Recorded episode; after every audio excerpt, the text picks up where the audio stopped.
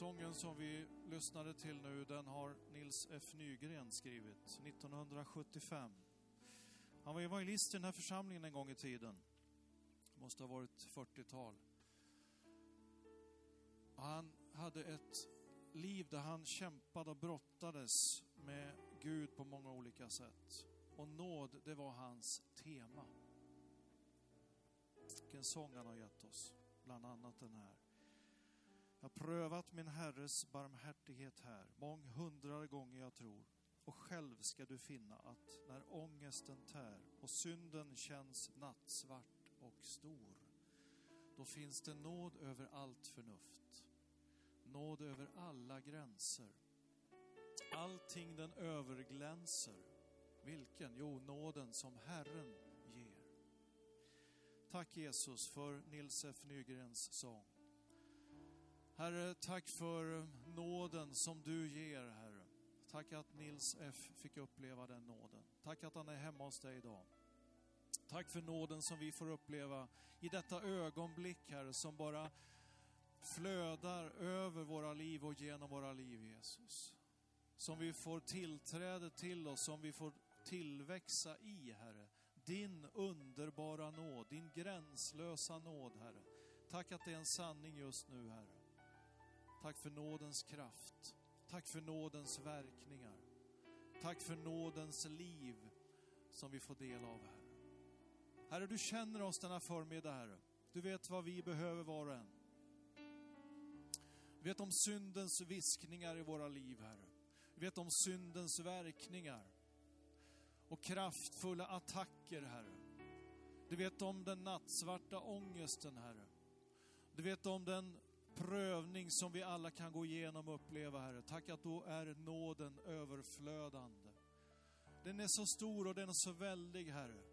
Så att vi bara prisar dig denna förmiddag för att den är vår och du ger oss den, Herre. Till befrielse, till rening, Herre, till hälsa, till läkedom, till renhet, till kraft. I Jesu namn. Amen. Amen.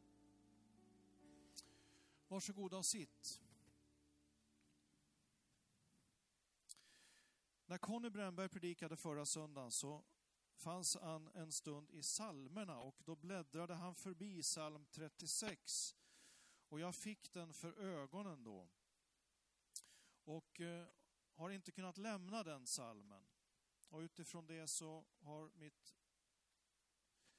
förberedande och min, min bön inför den här stunden också stannat vid just det här temat. Guds gränslösa nåd. Så vi läser psalm 36, 3-6. Det är kung och herde David som ger oss salmen och jag läser den utifrån Bibeln 2000. Synden viskar sitt ord i den gudlöses hjärta. Hos honom finns ingen fruktan för Gud. Synden smickrar honom till att tro att hans ogärning aldrig röjs och blir avskydd. Hans ord är ondska och svek. Åt insikt och godhet vänder han ryggen. Han ligger på sin bädd och smider onda planer. Han har slagit in på orätt väg. Han skyr inte något ont. Herre, till himlen sträcker sig din nåd, din trofasthet ända till skyarna. Din rättfärdighet är som väldiga berg, din rättvisa som det djupaste hav. Herre, du hjälper både människor och djur. Din nåd är dyrbar, o Gud. I dina vingars skugga finner människor tillflykt. De får njuta överflödet i ditt hus. I din glädjes strömmar stillas deras törst. Ty hos dig är livets källa. I ditt ljus ser vi ljus. Låt din nåd aldrig vika från det dina, din rättfärdighet aldrig från det redbara. Låt inte det stolta trampa ner mig. Låt inte det onda driva bort mig. Där ligger det, ogärningsmännen slagna reser sig aldrig. Amen. Guds gränslösa nåd. Ja, om Nils F Nygren hade erfarenhet av Guds nåd, vilket han ofta talade om och sjöng om, så hade också herdepojken David erfarenhet av synd och nåd. Det är det predikan idag handlar om. Han var också kung, David, i Israel. Och han betraktade Guds nåd på många olika sätt och fick uppleva Guds nåd på många olika sätt. Han var ju ute på marken med fåren och såg vilddjuren och räddade fåren säkert vid många tillfällen. Och kung, eh, herden David var en god herde för sina får. Han gav dem nåd, han gav dem hjälp, han gav dem barmhärtighet. Säkert misslyckades han någon gång, för han var ju en människa, han var en herdepojk. Han var också konung i landet, en av de mest respekterade och omtalade kungarna i Israels historia. Likväl så föll han en gång när syndens viskningar en gång kom in i hans liv och så begår han ett av historiens mest omtalade äktenskapsbrott. Men han fick också nåd över den situationen, även om det fick konsekvenser för hans liv. Han skriver om det här i psalm 32 och psalm 51. Så länge jag teg försmäktade vi mina ben. Han hade en ständig klagan över sitt liv och hans Guds hand låg tung över hans liv. Vi kan känna igen det när vi känner att vi har missbrukat Guds välsignade nåd i våra liv och när vi kanske har missbrukat relationer och annat. Synd har kommit in i våra liv. Guds hand kommer tung över oss. Ångesten tär. Men så skriver han också, när han bekänner sin synd så får han uppleva befrielse. Då förlät du mig min synds missgärning.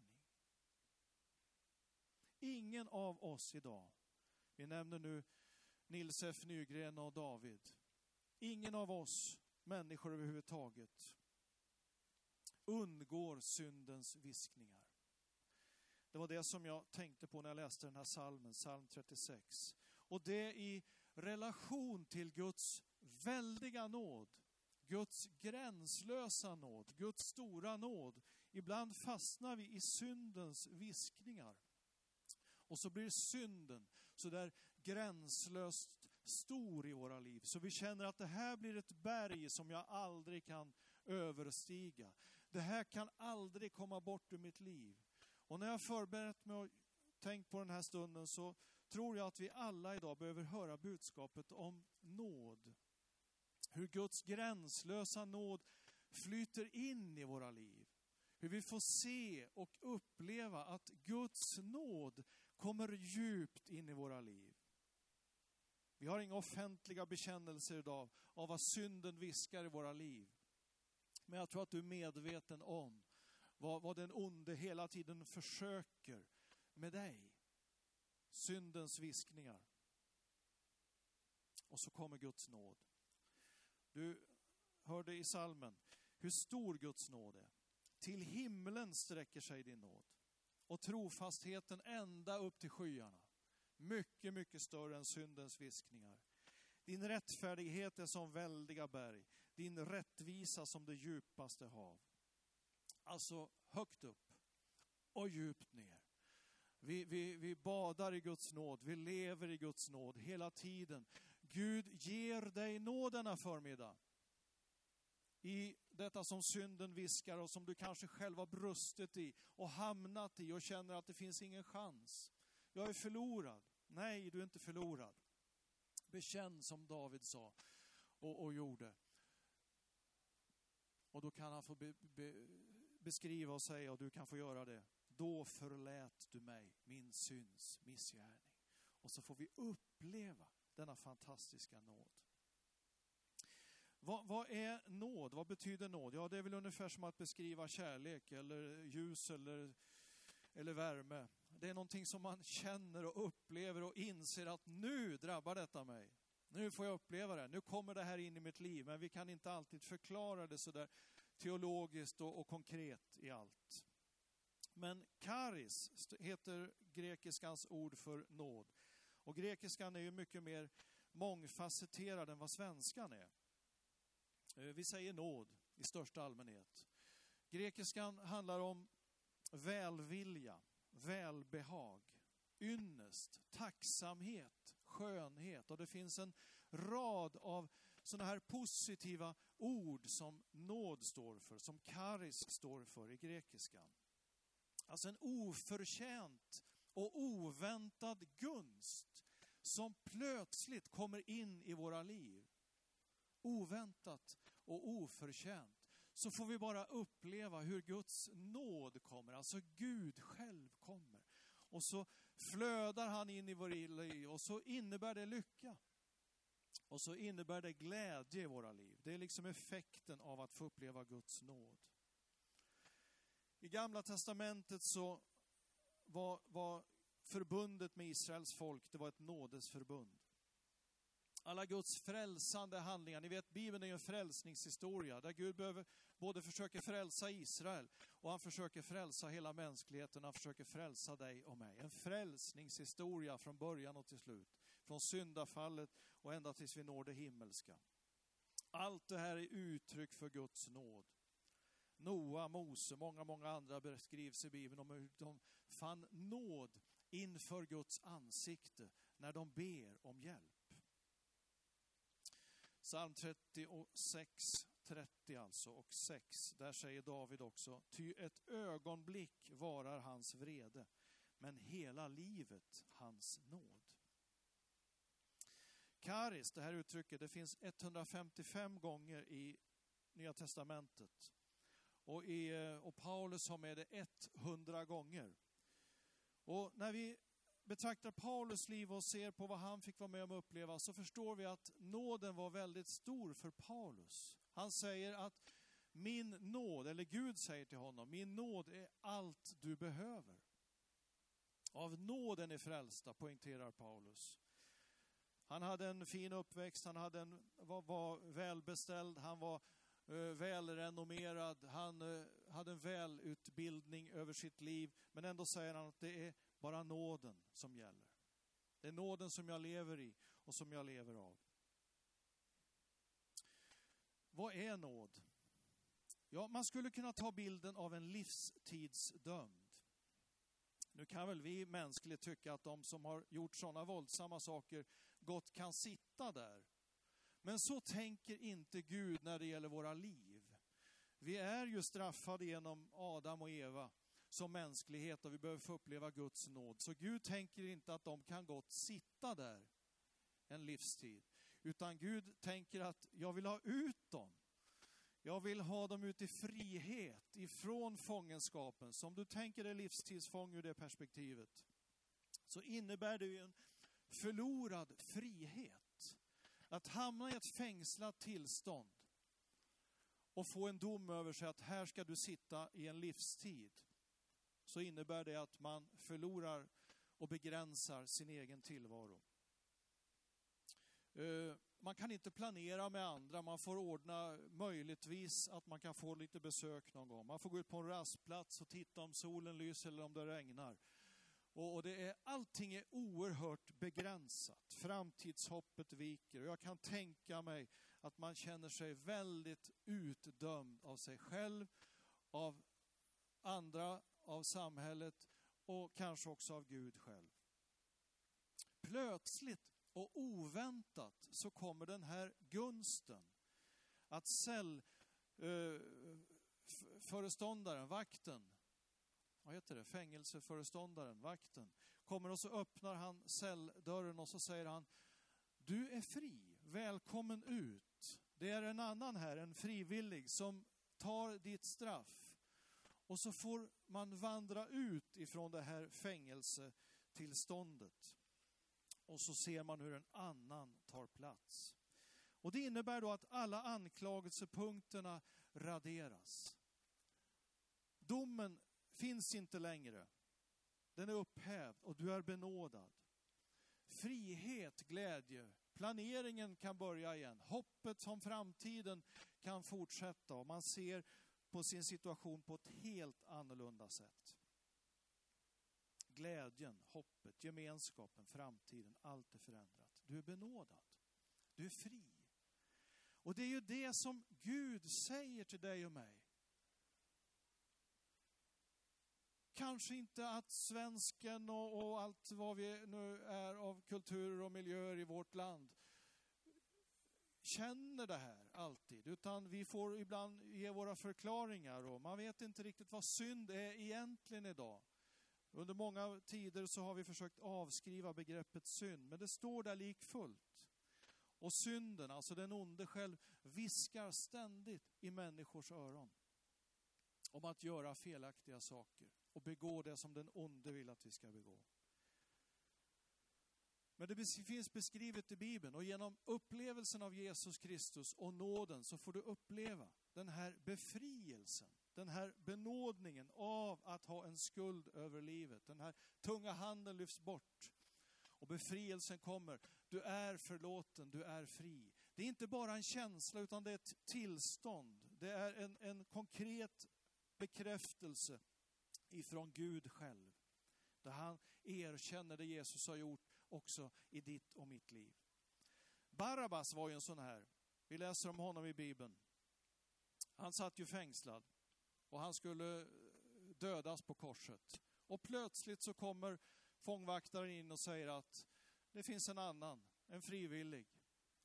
Jesus heter han, han ska hänga på ditt kors. Och så blir Barabbas fri.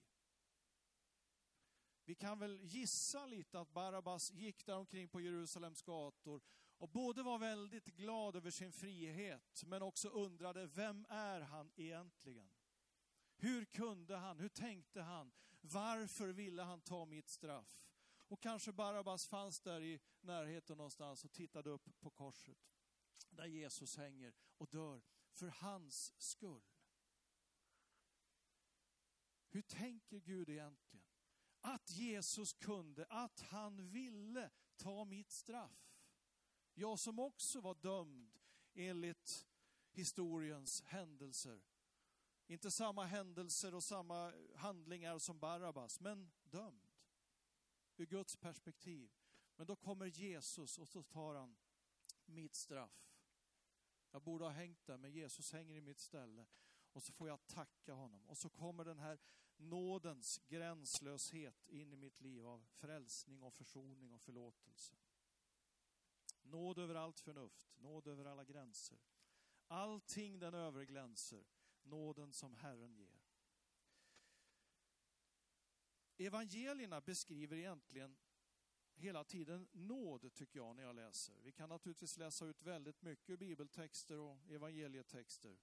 Men när Jesus vandrar och möter människor som är fulla av olika tankar och, och besvärligheter och skuld och sjukdom och nöd, så möter de nåden. De möter sanningen, men de möter också nåden. Och vi talar inte idag om en överslätande nåd. Det finns ett uttryck att synda på nåden. Att få nåd och så syndar man i veckan igen och så går man till gudstjänst på söndag och så får man lite nåd igen så man kan synda veckan som kommer. Det är inte så Gud tänker. Utan vill, Gud vill föra oss in i nådens liv. Där vi också får ge nåd genom Jesus Kristus till våra medmänniskor. Och läser man till exempel Johannes evangeliet så ser du hur Johannes döparen pekar på Jesus och säger, där är Guds lamm. Det är honom det handlar om, det är inte om mig. Och så har vi ett vittnesbörd av nåd som Andreas och Johannes får uppleva. Andreas leder sin bror Petrus till Jesus. Och då har vi den här relationsbygget, brobygget i, i brödrakretsen, i familjen. Där Andreas leder av nåd sin bror Petrus till Jesus och så får han uppleva Jesus i sitt liv. Jesus eh, finner så småningom Natanael som sitter under trädet. Natanael är tveksam, kan det komma något gott ifrån Nasaret? Om Jesus, Jesus säger om honom, i dig, du är en sann israelit. Den tveksamme får också nåd inför Herren. sökarens längtan. Jag tänker på Nikodemus när han kommer till Jesus på natten. Han hade frågor och han hade erkännanden också kring Jesus. En sökare som ville veta mer och som säkert fick göra en Jesusupplevelsen den natten. Han botar mannen vid Betestadammen, den sjuke får nåd. Mötet med kvinnan vid brunnen, nutidsmänniskan. Läser vi om henne så är det precis som en människa i vår tid när vi möter kvinnan vid Sykarsbrunnen. Och hon möter nåden och avslöjar egentligen själv sitt liv i mötet med Jesus och så får hon uppleva nåd. Och så går hon frimodig in till sin stad och vinner sin stad därför att hon har upplevt nåden, Jesus Kristus. Äktenskapsbryterskan i Johannes 8, den utnyttjade människan, fick nåd inför Gud. Ja, du och jag är också efterföljare till Jesus. Finns det inga krav i nåden? Det låter så enkelt, det låter så överslätande, så gränslöst så att ja, det finns ett krav som jag upplever och det är att följa Jesus. Och jag finner egentligen inget starkare krav i Bibeln än att följa Jesus. Det är nog för oss. I vårt tal, det vi säger om varandra, i våra vittnesbörd till våra medmänniskor, i att utföra goda gärningar, i att till och med få vara med och bota och hela människor, där vi får be och gå ut i tro. Och allt vad du vill och tänker när du läser evangelietexten om Jesus, det är att följa Jesus. Det finns inget starkare än att följa Jesus. Och det handlar inte om att äntligen få frihet att göra som man vill, utan att vara Kristi slav det är att äntligen få frihet att göra som Jesus vill i livet. Det är frihet enligt Bibeln. Det är att komma in i Jesus och få leva hans liv. Att låta hans verkningar få ske genom oss. Att äntligen få frihet att bli Kristi slav. Benådad och fri, det är att leva i Jesus. Jag tänker på nådens karaktär i våra liv. Att vi också får uppleva barmhärtighet du och jag, att bli barmhärtiga mot andra. Att få uppleva rättfärdighet och rättvisa i våra egna liv. Att få uppleva nåd. Att få uppleva sanning. Att det inte handlar om vita lögner eller andra lögner utan att vi är sanna och verkliga människor. Nådens karaktär i livet. I bergspredikan så läser vi om nåden gentemot andra. Att ge bort, att gå tillsammans med andra människor som behöver ha en följeslagare, att vara trogen i det lilla, att vara trogen i relation, att till och med be för fienderna. Och vi har i arbetslivet, Jesus tar upp väldigt mycket i evangelierna, att vara ansvarstagande både som arbetsgivare och arbetstagare. I församlingsliv och kristet liv, att vara trogen i det lilla. Att vara Jesu följeslagare, det är att uppleva nåden. Och det är att presentera nåd och representera nåd. Herre, din, till himmelen sträcker sig din nåd, din trofasthet ända till skyarna. Din rättfärdighet är som väldiga berg, din rättvisa som det djupaste hav. Herre, du hjälper både människor och djur. Din nåd är dyrbar, o Gud. I dina vingars skugga finner människor tillflykt. De får njuta överflödet i ditt hus. I din glädjes strömmar stillas deras törst. Ty hos dig är livets källa. I ditt ljus ser vi ljus. När jag tänkte på näst sista predikan då för den här gången i Skövde och verkligen bad till Gud, vad, vad vill du Gud att jag ska säga den där söndagen? Så kom det här budskapet om nåd. Det finns många predikningar vi predikanter håller och skulle kunna hålla och inte borde hålla, kanske.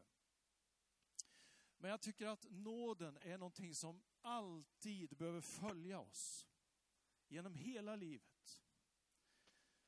Den gränslösa nåden. Därför att jag och du och vi alla missar ibland. Vi säger inte alla rätt och vi gör inte alla rätt. Och Gud vet ju om det här naturligtvis bäst av alla.